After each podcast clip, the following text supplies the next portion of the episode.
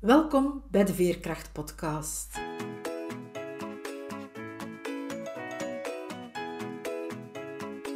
Ik ben Veerle Schaltien, levensverhalen en schrijfcoach. Met mijn bedrijf Wiebelwoorden trek ik voluit de kaart van veerkracht. Voor deze podcastreeks interview ik veerkrachtige vrouwen. Het zijn vrouwen zoals jij en ik, die soms wel eens het hoofd laten hangen maar die er vooral telkens opnieuw in slagen weer overeind te krabbelen, die telkens opnieuw de moed hebben om door te gaan, die ondanks alles ten volle in het leven staan en elke dag waardevol weten te maken. Hoe ze dat doen, vertellen ze je heel openhartig. Luister, snoep van hun woorden en laat je inspireren door hun verhalen, want als zij het kunnen, kan jij het ook. Dag Lies, welkom. Ik ben zelf een tweetal jaar geleden met essentiële olie gestart. Ik ben daardoor gestart via iemand die ik kende. En zij had mij een Facebookgroep aangeraden waar ik raad kon vragen om die olie ook effectief te gebruiken. En zo ben ik in jouw Facebook terechtgekomen, want jij hebt een, een groep over de olie van Young Living. En ik heb dan ook eens een keer online een workshop bij jou gevolgd. En omdat ik zelf heel veel baat heb bij die olie, omdat die zeker ook mijn veerkracht ondersteunen, kreeg ik de idee van dat ook aan andere mensen te gaan verspreiden. En zo ben ik in jouw team terechtgekomen. Want jij leidt een team die mensen eigenlijk opleidt of ondersteunt alleszins om met die olie bezig te zijn en vooral ook dat te verspreiden naar anderen. Kan jij jezelf nog eens uitgebreider voorstellen? Ja, dank u Veerle. En ja, ook heel erg bedankt voor deze prachtige introductie. Dat is degene waarom dat ik dit allemaal doe, om mensen te leren kennen zoals ja, die, die mee ja, mijn passie delen in de wereld. Ik ben zelf Lies Pieters. Ik ben de gelukkige mama van drie kindjes, tien, zeven en vijf. Een hele klus, maar gelukkig heb ik partner waar ik enorm goed op kan rekenen. Dus dat is echt wel uh, ja, het perfecte gezinnetje, denk ik dan soms. Ik woon uh, in het landelijke Sint-Paulus in Oost-Vlaanderen. Ik ben burgerlijk ingenieur van opleiding, dus uh, misschien totaal iets anders dan wat de mensen hier verwachten in deze podcast. Maar ik heb tegelijk ook al sinds ik afgestudeerd ben mijn eigen shiatsu-praktijk. En ik ondersteun ook mensen, zoals je al vertelde, met de essentiële olie van Young Living, omdat dat een heel grote passie van mij is. Je hebt dus een opleiding tot burgerlijk ingenieur gevolgd. Hoe ben je daar eigenlijk toe gekomen? Ik ben altijd gepassioneerd geweest door wiskunde. Ik was daar gewoon goed in. In de lagere school misschien niet extreem, maar in humaniora werd dat toch wel meer en meer duidelijk. Dat was iets waar ik mij in kon uitleven. Ik heb niet altijd zo'n eenvoudige jeugd gehad, in die zin dat ik op school vrij veel gepest werd.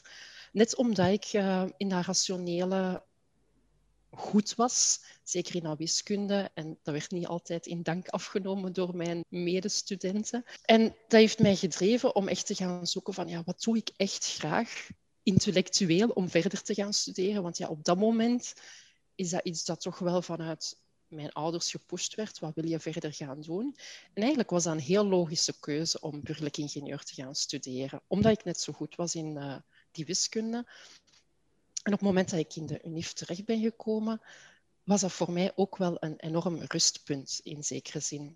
Ik moest op, een, op dat moment niet meer gaan opboksen tegen mensen die niet begrepen dat ik dat fijn vond, die dingen leren. Dat ik daar geïnteresseerd in die lessen zat om kennis op te doen.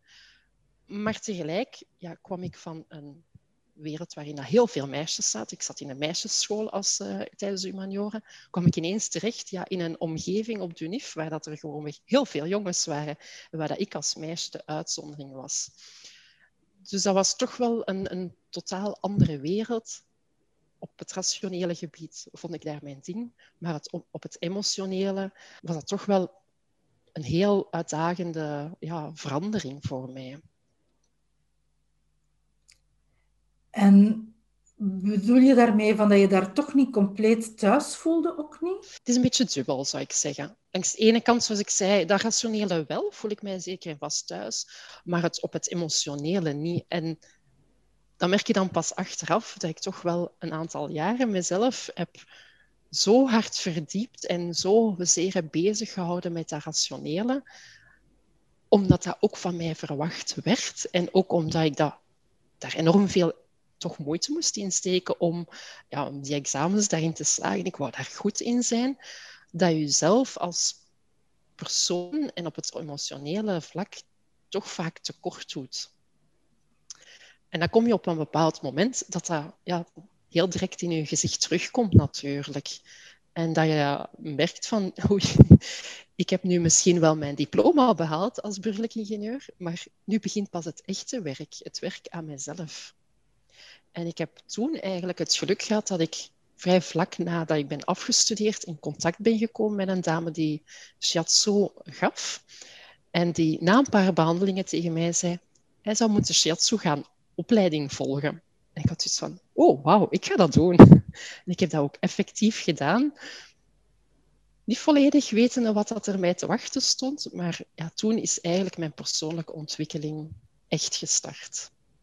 Kan je eens vertellen wat shiatsu juist is? Want ik weet niet of alle luisteraars daar al mee mee zijn. Ja, shiatsu is uh, drukpuntmassage. Dus wij gaan dezelfde drukpunten als in acupunctuur gebruiken, maar wij gebruiken geen naalden, zeg ik dan altijd geruststellend tegen mensen die daar misschien soms uh, wel schrik van hebben. En we gaan door het bovenen van druk op die punten de energiebanen in het lichaam in evenwicht brengen. Plaatsen waar er te veel spanning is, andere plaatsen waar er te weinig energie stroomt, gaan we met elkaar in verbinding brengen en zorgen dat die stroom terug beter, dat het lichaam terug beter stroomt. En wij gaan er ook van uit dat alles in het lichaam met elkaar verbonden is. Dus als bij wijze van spreken uw dikke teen pijn doet, dan wil dat misschien iets zeggen over bepaalde organen in uw lichaam en over andere plekken in uw lichaam die misschien ook niet in evenwicht zijn gaat het dan over louter lichamelijke dingen? En je zegt plekken in je lichaam die niet in evenwicht zijn. Of kunnen dat ook emotionele dingen zijn die zich dan lichamelijk uiten? Absoluut. Het fysieke, het emotionele, het mentale gaan eigenlijk altijd hand in hand.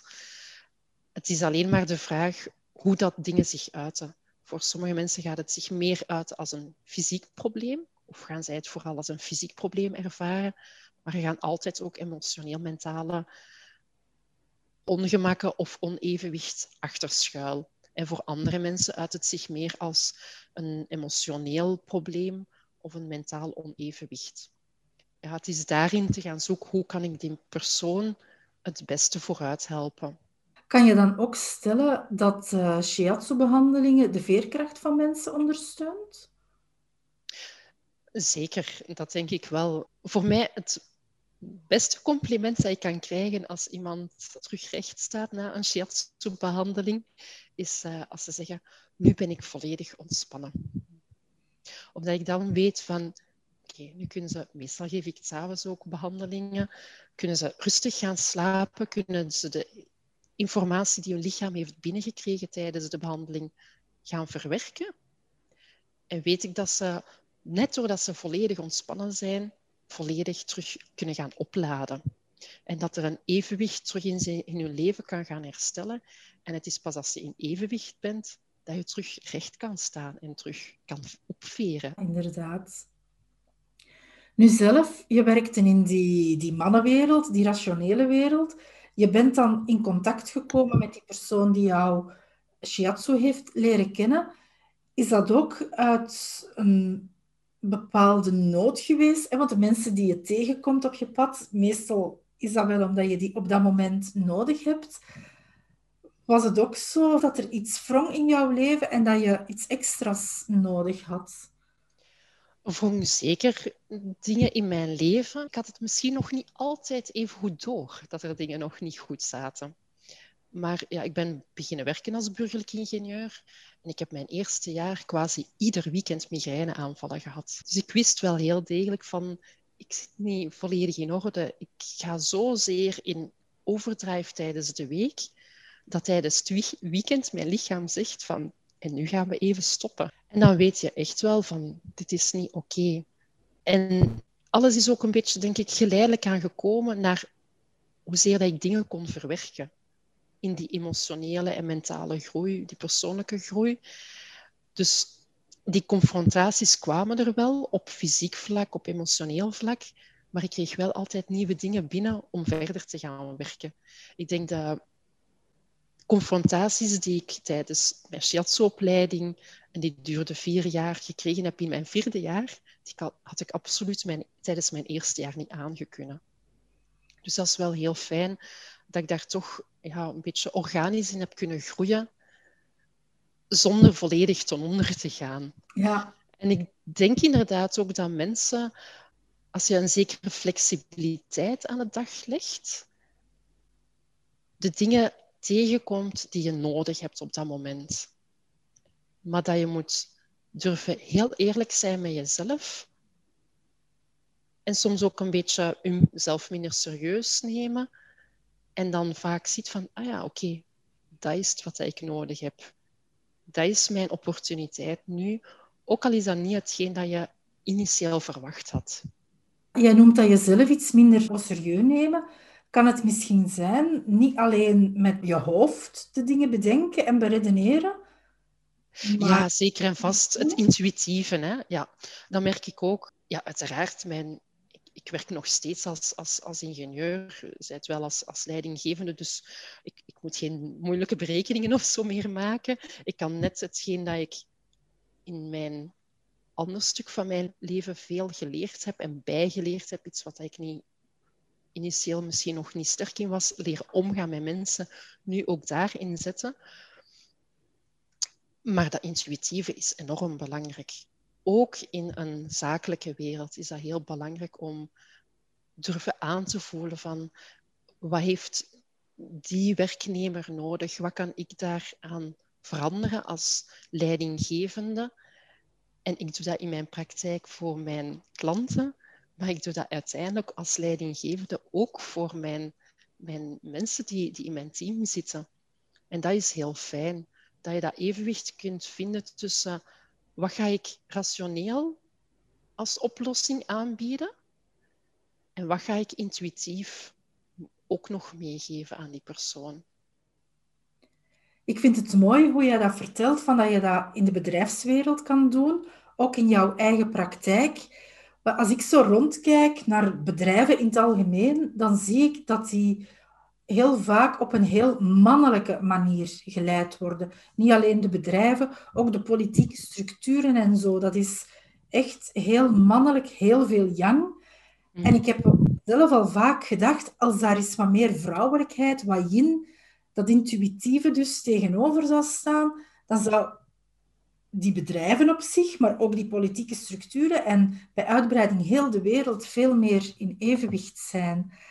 Dus als ik jouw verhaal hoor, dan draag je daar op kleine schaal, maar ja, dat is ook maar het enige wat wij kunnen, toch al serieus aan bij.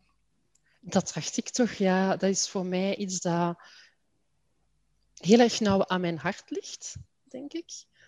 Omdat ik daardoor enorm veel voldoening haal in wat ik doe ik ben zelf uiteindelijk, ik ben wel heel rationeel, maar ik ben ook een heel emotioneel persoon. Ik heb heel veel, ben heel gevoelig voor dingen en ik mag dat niet wegstoppen omdat de wereld alleen maar rationele dingen van mij vraagt. Nee, net door dat te combineren ga ik volledig in mijn kracht staan en kan ik mensen en deze wereld zoveel mogelijk op mijn manier verder helpen. Ik vind het heel mooi dat je zegt door dat te combineren. Want soms hoor ik zo mensen die ook die mannelijke wereld zien en die zeggen dan er moet meer vrouwelijkheid zijn. Ja, uiteraard moet er meer vrouwelijkheid zijn om dat in evenwicht te brengen.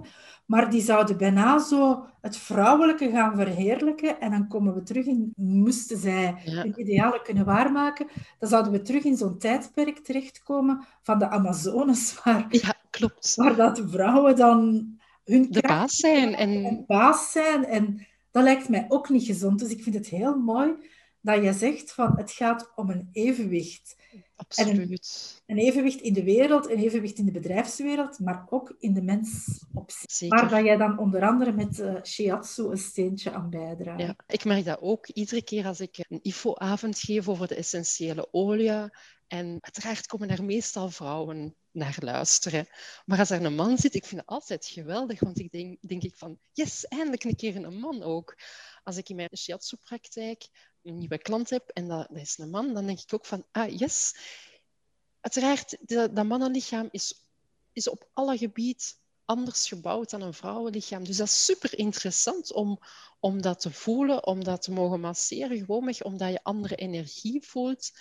En dat ik denk van, op deze manier maken wij een beter geheel gewoonweg en leren we elkaar beter kennen. En dat heeft absoluut geen, geen, geen seksuele connotatie of wat dan ook. Dat is gewoon een, een evenwicht waar dat we naartoe moeten, meer naartoe moeten gaan, denk ik. En ja, want of je nu man of vrouw bent, je hebt zowel mannelijke als vrouwelijke eigenschappen in jou. Hè? Een man kan even goed een kind verzorgen of een, een ouder verzorgen of eender twee verzorgen zelfs. En een vrouw, jij bent daar dan ook het voorbeeld van, kan even, even goed ook rationeel bezig zijn en in die, als ze een mannenwereld noemen, functioneren vanuit haar vrouwelijkheid. Ja. Ja. ja, en dat vind ik dan ook fijn als ik ik hoop dan toch altijd om aan mijn mannelijke collega's te tonen van durf ook dat stukje vrouwelijke dat in u zit te tonen. Als er emotioneel iets, iets zit, uh, ook al is dat iets dat familiaal gebeurd is, ik hoef geen details te weten, maar durf te tonen dat je vandaag misschien niet goed voelt. En dan wil ik daar heel graag rekening mee houden. Want dan kan ik op dat moment tonen van, ik geef om u en neem het even rustiger vandaag en morgen staat je er terug. Je hoeft niet als man iedere dag te staan als het niet altijd lukt. Nee, niet als man en niet als vrouw ook niet. Ja. nu, in jouw praktijk, jij, jij geeft shiatsu, jij combineert dat met essentiële oliën. Kan je ook nog eens vertellen hoe je ertoe gekomen bent van essentiële oliën te gaan gebruiken? Ja, de essentiële oliën zijn via mijn shiatsu-leerkracht op mijn pad gekomen. Die zei van, oh Lies, moet dat ook eens gaan proberen. Die zijn echt super, kijk goed. En ik had op dat moment, was ik juist mama geworden voor de eerste keer. Dus dat is al tien jaar geleden. Als ik mijn dochter zie lopen, dan denk ik van, waar is het een tijd naartoe? En ik ben stilaan ja, beginnen een beetje die, die olie uitproberen. En begin dacht ik van, ja, heb ik dat echt nodig? Heb ik dat niet nodig? Maar dan gingen we op reis en ik had een, een probleempje onderweg. veel mieren en insecten. En ik dacht ja, oké. Ze hebben mij gezegd dat dat werkt. Ik zal dat eens proberen. En dat werkte fantastisch goed. Dus van, oh, oké. En dan ging ik bij haar eens op behandeling. En ze werd van, mm, je hebt dat of dat emotioneel nodig. Ga je die olie gebruiken?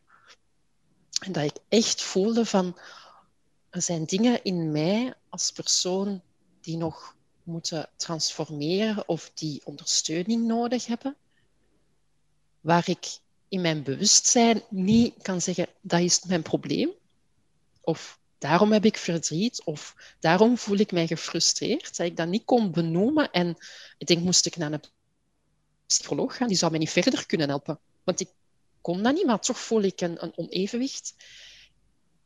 En dat door die olie, dat ik mij anders begon te voelen. En niet dat het mijn probleem of zo wegnam, maar dat het, dat gevoel werd getransformeerd naar iets positiefs. En ik voel ook dat de onderliggende oorzaak stilaan wegging of, of toch een andere invloed had op mij als persoon.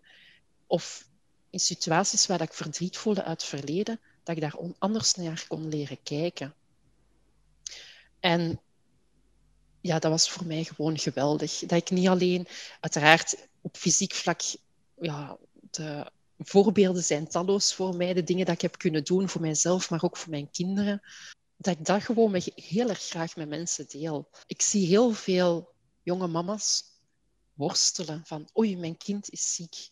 En dan begint de tweestrijd. Maar ik moet gaan werken en nu moet ik mijn kind opvangen. En hm, is hem nu niet ziek? Is hem te ziek om naar de crash te gaan? Of net niet?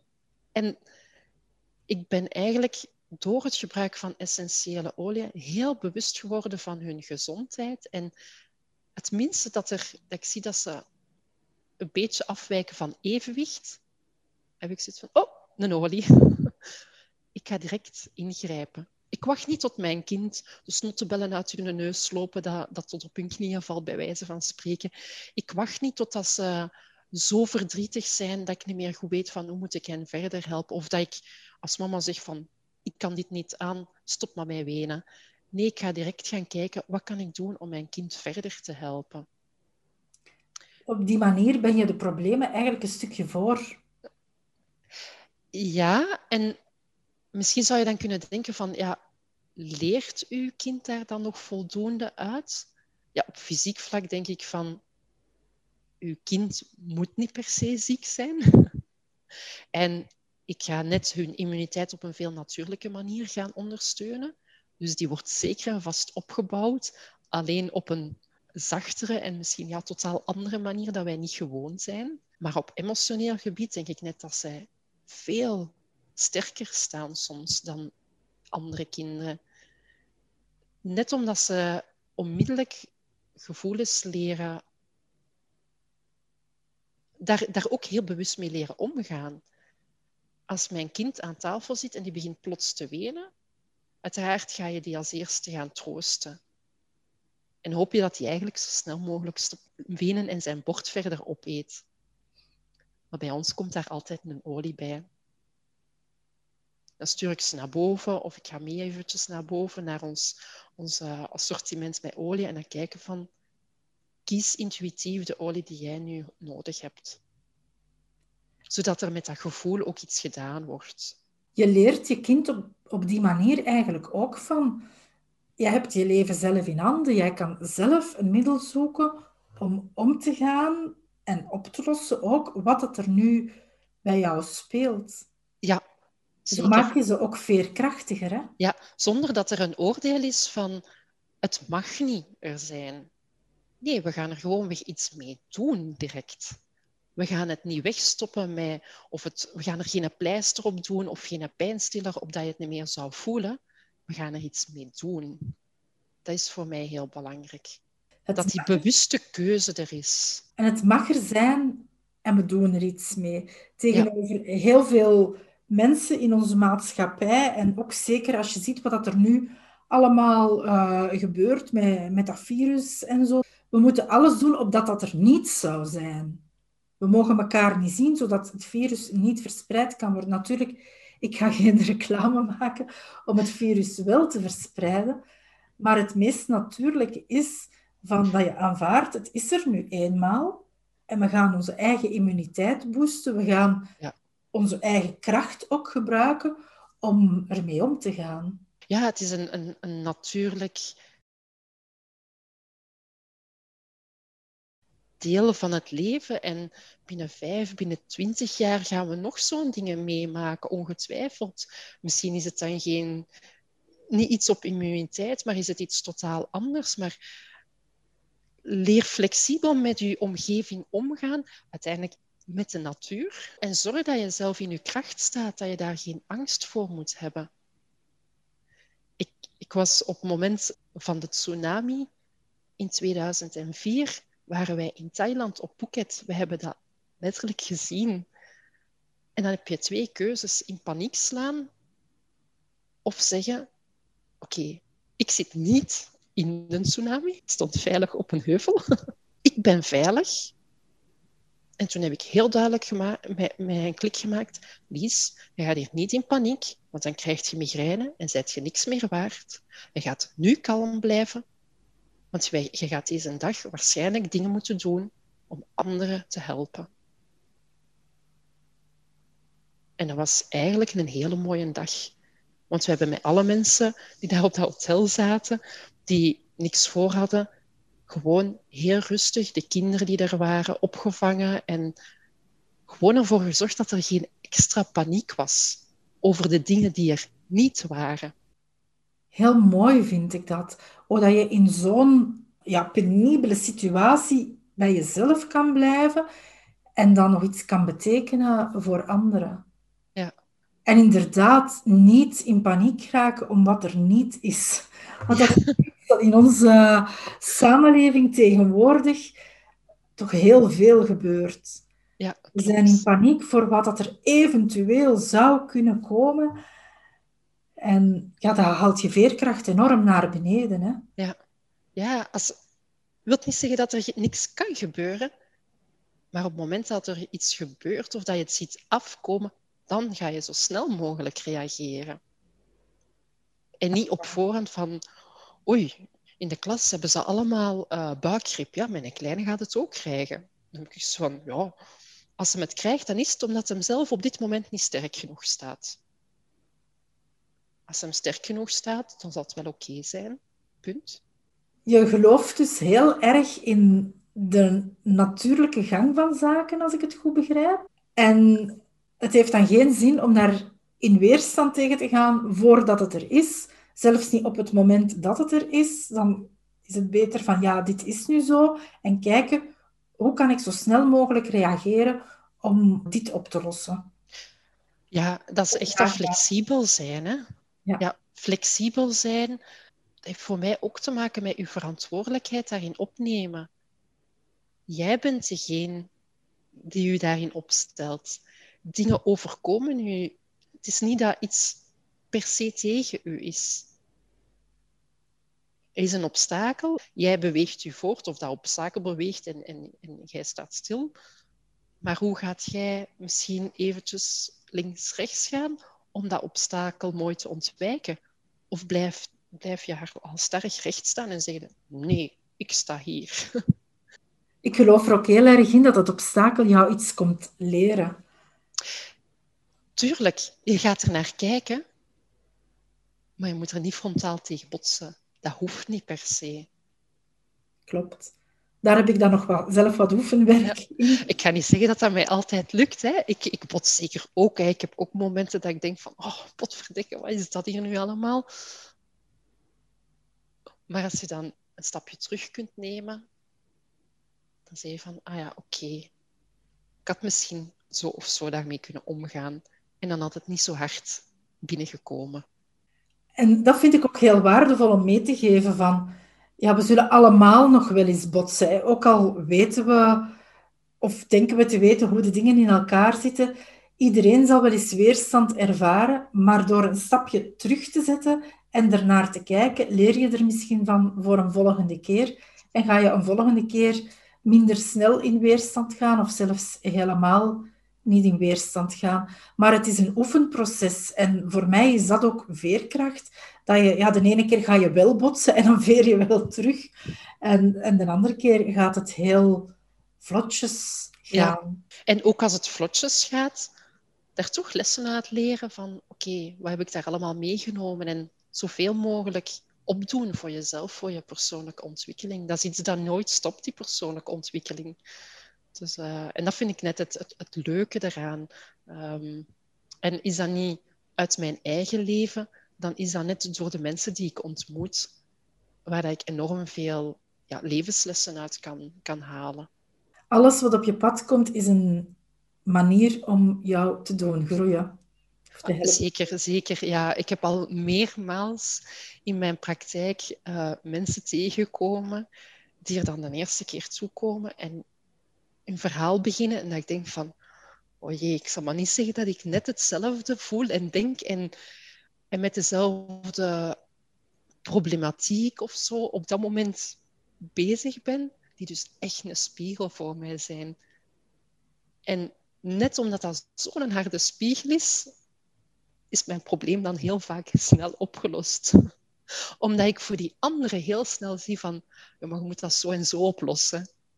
En dan weet ik voor mijn eigen, ja, Lies, er is geen probleem eigenlijk voor u, hè, want je moet het net op dezelfde manier aanpakken.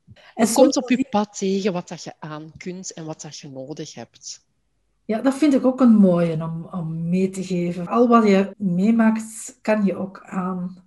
Ik wilde op die spiegel nog eventjes terugkomen. Vaak spiegelen mensen ons zo en zijn we ons daar niet van bewust en dan worden we daar net, net kwaad van om, om hoe dat zij zijn. Bijvoorbeeld in partnerrelaties is, is dat vaak zo, of ook in ouder-kindrelaties.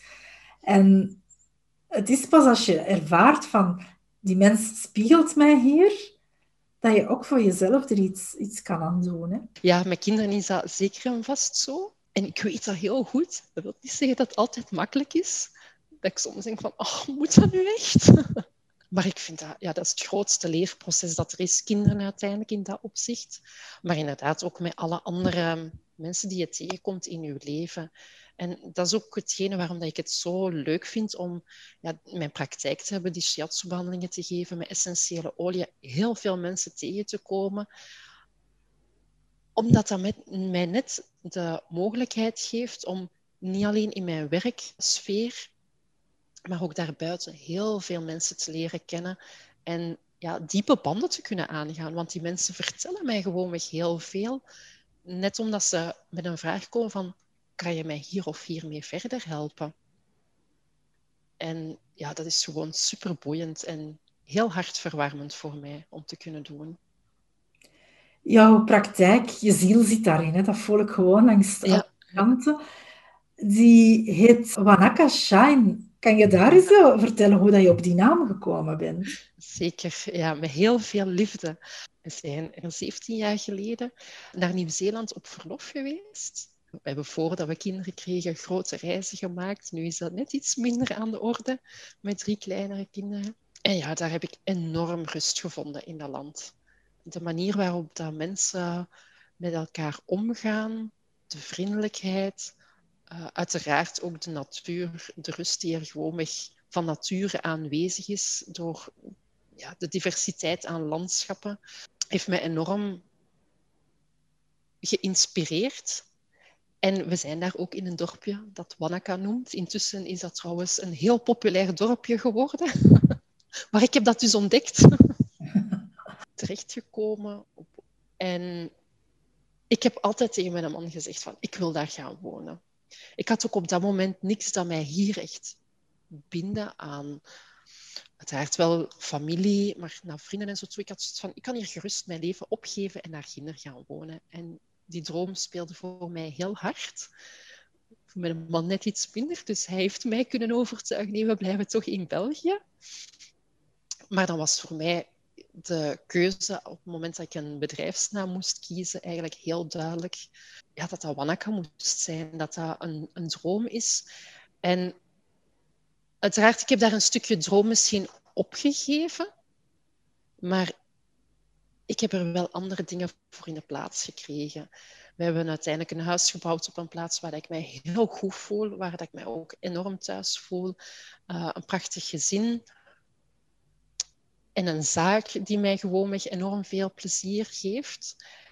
En ik weet soms uit commercieel standpunt zeggen sommige mensen van, wat een kassain. Oh, ik kan dat niet onthouden. En dan denk ik, en ik ga toch nooit veranderen, want dit is mijn droom, mijn passie. En die blijft.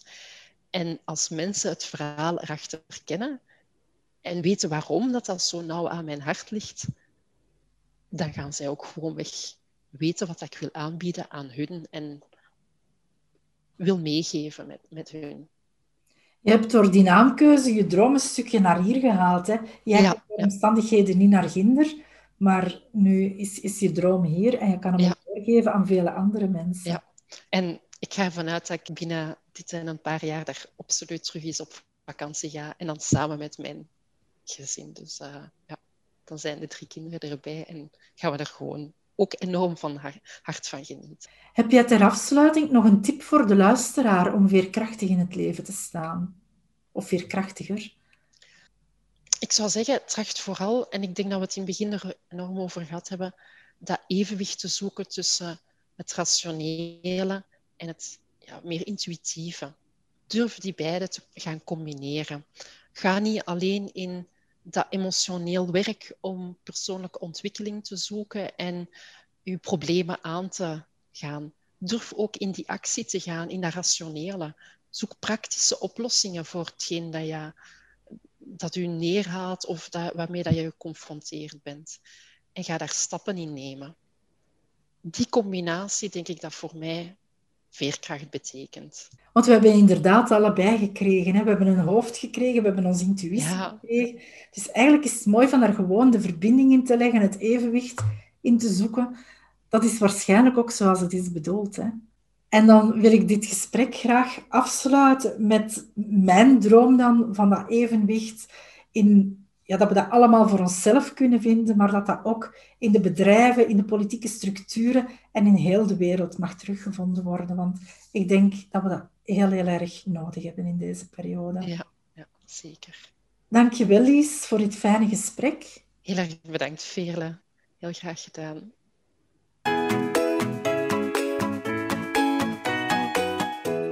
Zo'n twee jaar geleden leerde ik essentiële olie kennen. Terwijl ik ze eerst vooral gebruikte bij kwaaltjes en pijntjes, maken ze ondertussen deel uit van mijn dagelijkse routine.